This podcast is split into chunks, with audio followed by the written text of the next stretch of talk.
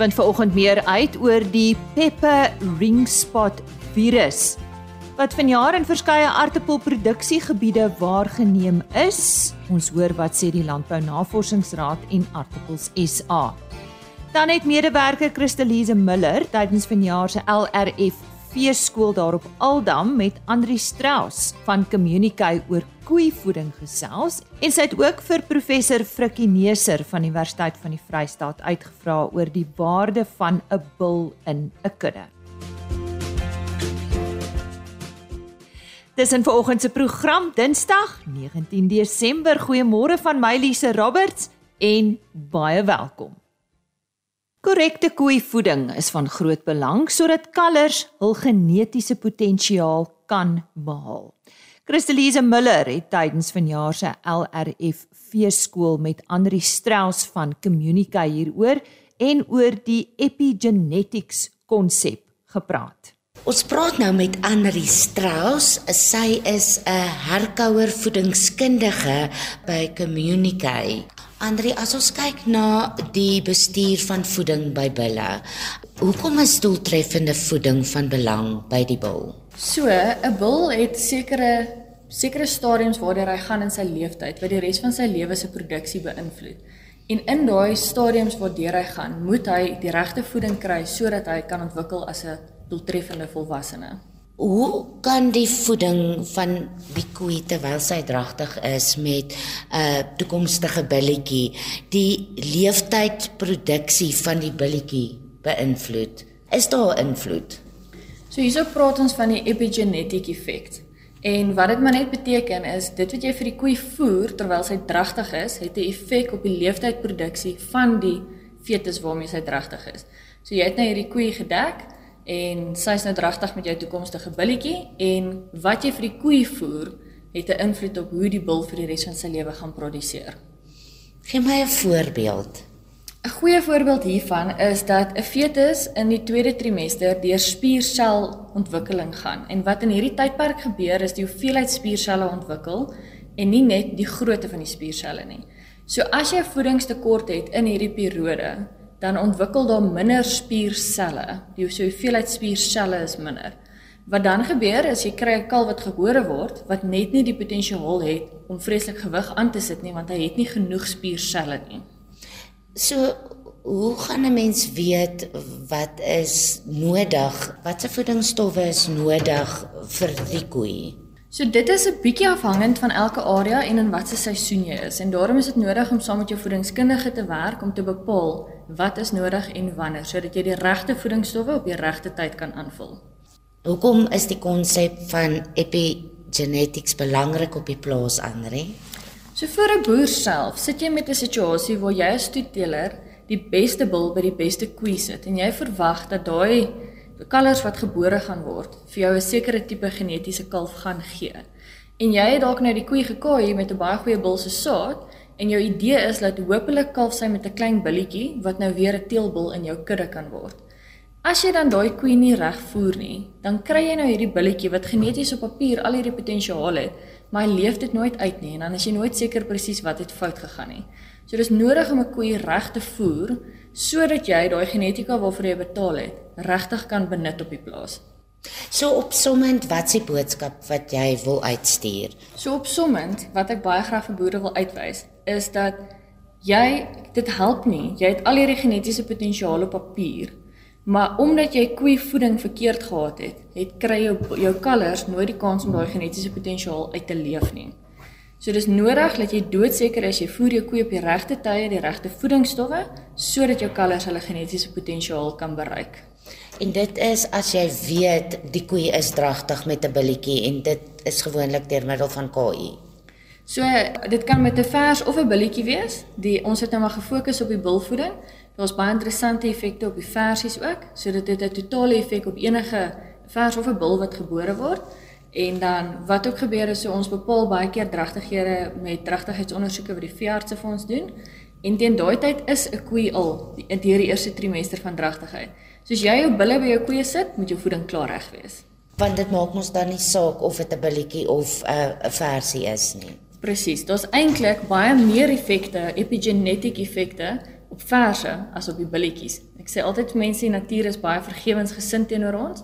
So die natuur vergewe baie keer dit as ons foute maak, maar op versies vergewe die natuur ons glad nie. Waar kom die epigenetics konsep vandaan? Dis eintlik 'n ou konsep wat nuwe herlewing gekry het onlangs. Daar's verskriklik baie navorsing op hierdie oomblik wat daarop gedoen word in die wêreld en hulle het spesifiek daarna begin kyk op mensvoeding. So, ehm um, hulle het gevind dat 'n skaapmodel baie naby aan 'n mens se dragtig skaapdragtigheid dieselfde mylpaale as 'n mens se swangerskap.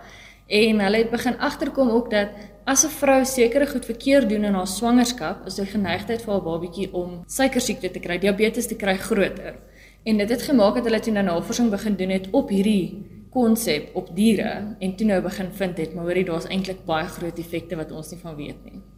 Is daar nog iets wat jy voel jy wil byvoeg? Ek dink solank die boere besef dat hulle moet vir hulle koeie mooi sorg, want hulle koeie gaan vir hulle sorg as hulle mooi na hulle koeie kyk en dat hulle moet sorg dat die koeie oordentlik gevoer is gedurende dragtigheid sodat hulle ordentlike bulle op die plaas kan aankry. Dit was Anri Strauss, sy's 'n herkouer voedingskundige by Communicate. Christelise Miller is later terug En dan gesels sy met professor Frikkie Neser van die Universiteit van die Vrystaat oor die waarde van 'n bul in 'n kudde. Die pepper ring spot virus is 'n virus wat op aartappels voorkom en het 'n groot ekonomiese impak op die bedryf. Ons het meer gaan uitvind oor hierdie virus en gesels met Dr Lindy Esterhuizen van die Landbou Navorsingsraad as ook Dirk Eis van Aartappels Suid-Afrika medewerker Deedrey Lou het met hulle gesels. Dr Lindsay Esterhuizen verduidelik eers wat is pepper ring spot virus. Pepper ring spot is een van drie virusse in die genus Tobra virusse. Daar's 3 van hulle, die mees belangrikste vir ons is pepper ring spot virus en tobacco rattle virus. Nou pepper ring spot virus, um weet ken ons slegs uit die literatuur toe dit aangeteken is in Brasil in die 1960s. In Brasil weet ons hy infekteer 'n verskeidenheid van plantspesies, plantspesies onder andere tomaties en peppers. Um en dit is waar sy naam pepper ringspot vandaan kom. Um in daai in Brasil is aangeteken dat hy peppers infekteer en hy veroorsaak hierdie ringagtige vlekke bo op die blare. Van daardie naam pepper ringspot. Um maar pepper ringspot virus um infekteer nie net peppers nie. Hy infekteer ook 'n wye verskeidenheid van ander gewasse en plante, onder andere um tomaties en peppers en in Suid-Afrika het ons gevind dat hy aartappels infekteer. Um en in aartappels veroorsaak hy kan hy 'n mosaïekagtige patroon op die blare veroorsaak, um as ook uh, ringagtige um bruin vlekke binne in die in die in die tubers. En Dirk, hoekom is dit nou 'n probleem? Ja, so dit is mos nou 'n nuwe siekte, ehm um, en ons wil probeer om die siekte soveel as moontlik te kan die verspreiding daarvan te voorkom. En een van die maatreëls is om die die uh, verspreiding deur saad te voorkom omdat die virus deur saad versprei kan word. Daarom uh het die departement van landbou plaas hulle besmette uh pivots of persele uh onder kwarantyne wat natuurlik 'n redelike groot uh, ekonomiese impak is vir 'n produsent. Maar ek dink dit is 'n belangrike proses om verspreiding te voorkom. So ek, ek dit is maar die die groot rede en dan natuurlik wil mense ook net nie die siekte moet uh in al ons aardappels versprei nie. So dis maar voorkomend van aard.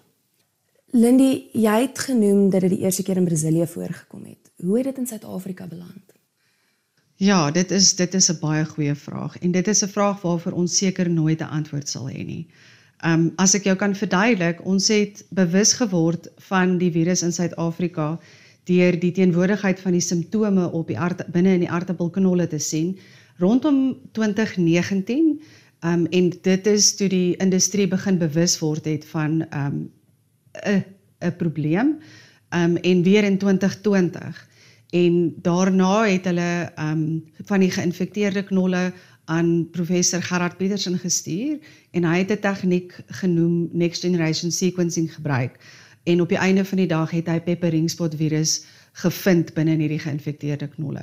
So dit was die eerste wat ons bewus geword het van die teenwoordigheid van die virus in Suid-Afrika, maar hoe hy al die pad tot hier gekom het, um, weet ons glad nie. En die teenwoordigheid van die virus is toe sporadies um opgemerk um in aardappelsertifisering met die inspeksie van knolle.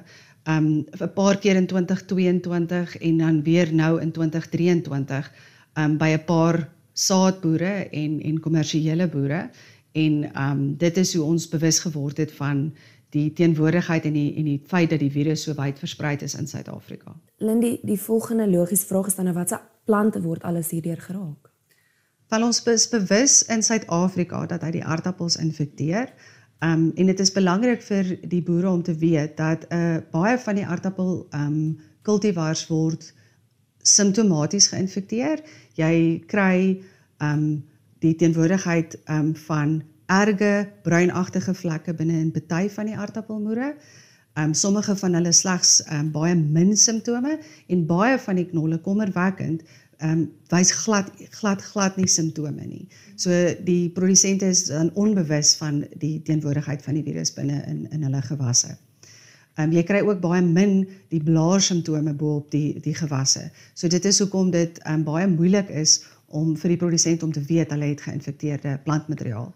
Ehm um, navorsers van die Universiteit van Pretoria by Fabi, ehm um, gelei deur David Reed, het 'n opname gedoen oor virusse wat sonneblomme infekteer.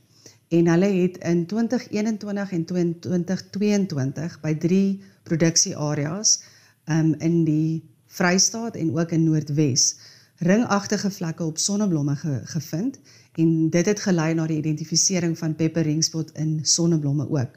Nou, ons is tans nog nie um seker hoe wyd versprei die virus in sonneblomproduksieareas is nie. Um hulle is van plan om 'n nuwe opname in die nuwe jaar te doen om om te sien hoe wyd versprei dit in sonneblomme is en ook om te kyk of dit deur die sonneblomsaad oorgedra kan word. Um want die boetie virus van pepper ringspot is tobacco rattle virus. En tobacco rattle virus kom ook op sonneblomme voor en word deur die saad versprei. So dis 'n belangrike aspek van die die die die um virus om uit te vind of dit deur die saad versprei kan word. Um en dan derdens beide tobacco rattle virus en pepper ringspot virus weet ons uit die literatuur dat hulle 'n wye verskeidenheid van plante kan infekteer. Pepper ringspot virus is eerstens op Bidens spesies in Brasil gevind en dan later jare is daar gewys dat dit um 'n wye verskeidenheid ander plante wat as um, onkruide gesien kan word in die in die in die in die landbousisteem soos Chenopodium amaranticolor, um verskeie van jou tabakspesies en dan ook 'n paar ander gewasse soos jou tomaties, jou peppers, maar ook jou ertjies en jou bone word deur die virus geïnfekteer. Die dit kan simptome op die blare toon, maar dit kan ook um laat wat ons noem latent, dit wys geen simptome op die um op die blare nie en ons het ook geen idee van die impak op produksie binne in daardie gewasse nie. Dirk, 'n laaste vraag vir jou, hoe kan boere dit voorkom? Ja, dit op hierdie stadium omdat dit nou 'n nuwe siekte is, is daar nou niks wat jy kan spuit nie want ons sit ook met 'n virus en 'n virus is daar nou nie chemiese beheer voor nie. So wat ons daar's 'n paar goed wat ons wel kan doen om die siekte se verspreiding te voorkom. Die eerste een is, is om meer as een bron van saad te gebruik ehm um, dat jy jou risiko bietjie versprei en diversiteit is mos altyd 'n belangrike ding. Die tweede ding is sou jy dit hê op jou land, ehm um, ons wil ook jou ekonomiese verliese is belangrik om dit te beperk. So die daar's niks fout met die aardappels vir menslike gebruik nie. So die aardappels kan nog steeds bemark word, maar wat ons aanbeveel is om die aardappels te behandel met 'n spruitinhibeerder dat hy nou nie uitloop nie om seker te maak dat dit nou nie as 'n saadaartappel geplant word um, om melanie siekte te versprei nie. So dis die tweede wat ding wat mens kan doen. Die vraag oor die alworms is is 'n vraag wat ons Lindy kan ook nou nou daaroor gesels maar ehm um, ons sê uh, toets jou grond vir alworms, kyk of alworms is en as 'n alworms is, volg 'n goeie alwormbeheerprogram. Daar is baie druk op alwormmiddels, maar ehm um, praat daar met jou landbouchemiese adviseur, hulle sal goeie raad kan gee om 'n chemiese program te te volg en dan natuurlik jou wisselboustelsels is ook baie belangrik. Kry jou grond se gesondheid beter. Dit is dis al 'n goeie begin. En um, dan die laaste ding is om op jou implemente as jy weet jy's op 'n besmette grond, ehm um, saniteer jou implemente met ehm uh, um, of stoom of met 'n reinigingsmiddel weer eens gesels met met jou adviseur daaroor om dan net die moontlikheid van virusse daar te elimineer. Ek dink dit is maar die belangrikste goed wat jy kan doen. Lindy, het jy enigiets om by te las? Ja, ek dink dit is belangrik dat die die, die produsente weet hoe die virus oorgedra word. Die eerste metode van oordrag is meganies, ehm um, deur kontak. Ehm um, en dan is dit ook om belangrik om te weet dat dit deur nematodes oorgedra kan word. Ehm um, daar's min inligting in die literatuur oor pepper ringspot virus. Ehm um, maar die die virusse in die Tobra virus genus word deur verskillende spesies van nematodes oorgedra. Die een verwysing wat ons het is dat ehm um, Nanidoris minor verantwoordelik is vir die oordrag van pepper ringspot virus op artisjokke. En ons neem dan ook aan dat ehm um, in aardappels en in sonneblomme en die ander gewasse pepper ehm um, ringspot oorgedra word deur die nematodes. Maar ons is besig um, ons het tans 'n studie um, in plek wat kyk na die verspreiding en en dit besig is om dit te ondersoek um, om dit te kan bevestig dat dit deur die nematodes oorgedra word, maar dit is nie baie maklik om om uit te voer nie. Die nematodes is Nanidoris minor. Um, ons het heelwat daarvan in Suid-Afrika, dit kom wyd versprei in Suid-Afrika voor, maar om hulle in 'n kolonie aan te hou en dan die oordragtoetse in potte te kan uitvoer, is 'n bietjie van 'n 'n moeilike ding om te doen. So ons is tans besig daarmee om dit te kan bevestig.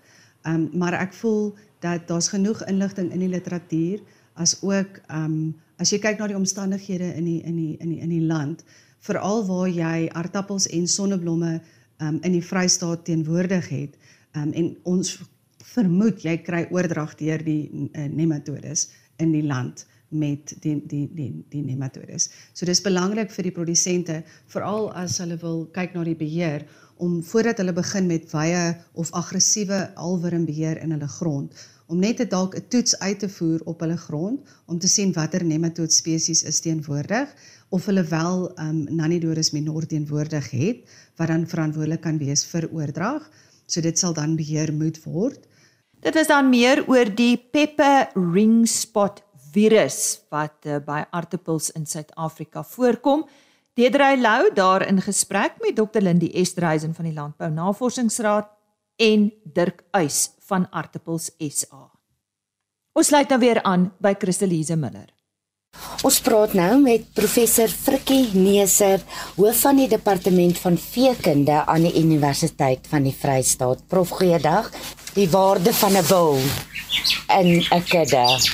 Wat is aspekte om na te let? Belangrikste ding is maak seker die bil waar waar wat jy in belang stel pas by jou omgewing en jou omstandighede. En daarna maak seker dat jy na 'n bil kyk wat behoorlik prestasie getoets is. Onthou net speenmassa is nie prestasie toets nie.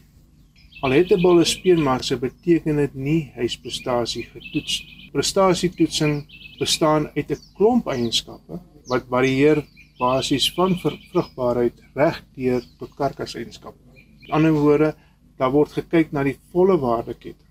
En om te kyk na slegs byvoorbeeld 'n speenmassa, gaan jy jouself later so diep in die voet skiet. As gevolg van die korrelasies wat bestaan tussen speenmassa en al die ander eienskappe. Ehm um, die diere kan byvoorbeeld te groot word. Speenmassa is positief gekorreleer met volwasse massa. Omdat as hierdie diere te groot word, jy kan nou kalfprobleme kry. Jou geboortemassa gaan styg. Aanpassingsprobleme. Hulle is te groot vir jou omgewing. Vrugbaarheidsprobleme. Omdat hulle nie aangepas is nie, is hulle nie vrugbaar nie. So deur net die verkeerde besluit te maak of net na een eienskap te kyk soos baie boere doen as hulle bulle koop, eindig jy later op met baie groter probleme as wie so gehad het. Dit geld nou vir kommersiële boere ook. Baie belangrik eintlik baie meer vir kommersiële boere. Want onthou net kommersiële boere, nie alle kommersiële boere het inligting. Um en baie keer gaan 'n kommersiële boer haal hy sommer net 'n bil uit uit sy kudde uit en gebruik hom weer of hy gaan haal 'n bil by die boer by die buurman en gebruik hom. Waarvan hy baie min weet en en en om 'n vers te verloor en is gewoonlik net een vers Maar jy verloor tyd uh, met met met ehm um, die stootjie kos baie keer baie meer as daai bil wat bil se prys. Waar pas seleksie in? Jong seleksie, kom ons gaan een stap terug. Voor jy enige enigsins seleksie begin doen, moet jy weet waarheen jy op pad is. Wat wil jy hê? So jy moet al reeds 'n doelwit hê waarheen jy op pad is. Dit maak nie saak of jy 'n kommersiële teeler, kommersiële boer of 'n stoetteeler is nie. Al twee moet daai doelwit hê. En daai doelwit moet inpas by jou omgewing maar ook die mark wat jy moet versadig. Aan die ander woorde in die mark aan wie jy gaan verkoop. So dis eintlik waar seleksie alreeds begin. En nou hierna begin jy en dis wat die proses van seleksie is. Begin jy diere soek wat aan al hierdie behoeftes voldoen. En onthou wat ek gesê het, nie net een eienskap nie. 'n Gebalanseerde groep eienskappe waarna jy kyk. Baie boere selekteer byvoorbeeld net vir vrugbaarheid. Vrugbaarheid is werk 'n klein bietjie anders. Ehm um, vrugbaarheid maak nie saak wat se produksiestelsel is jy nie. Vrugbaarheid is altyd die heel belangrikste eienskap om voor te selekteer. Altyd. As jy nie iets het om te verkoop nie, as 'n kalf nie gebore is nie, jy niks om te verkoop. Dis die kort en lank nie van die situasie. Maar die interessante deel van vrugbaarheid is as jy vir vrugbaarheid selekteer, omdat vrugbaarheid gekorreleer is met 'n klomp ander eienskappe ook, wen jy op ander plekke ook. So indirek ons kan dit anders te anders te probeer verduidelik. 'n Dier moet aangepas wees om vrugbaar te wees. So jy selekteer vir aanpassing.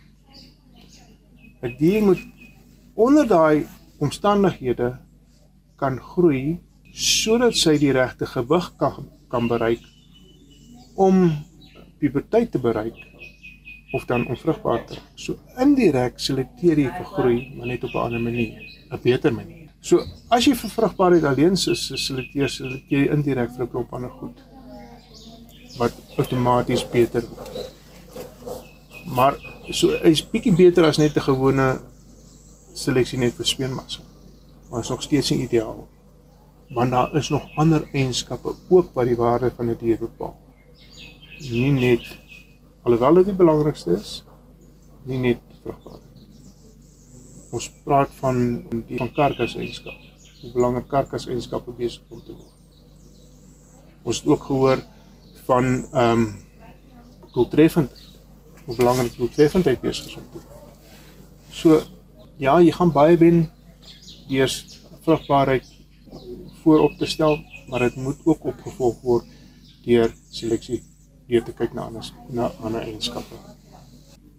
Prof om, om te meet is om te weet. Aan die einde van die dag is dit basies die belangrike een. Om te meet is om te weet. En dit geld of dit 'n besigheid is of vir 'n boerdery is of in 'n 'n in 'n soetery is dieselfde beginsel geld. Dankie prof. Dit was professor Frikkie Neser, hoof van die departement van veekunde aan die Universiteit van die Vrystaat en Christelise Miller het met hom gesels. Dis dan vandag se RSG Landbou.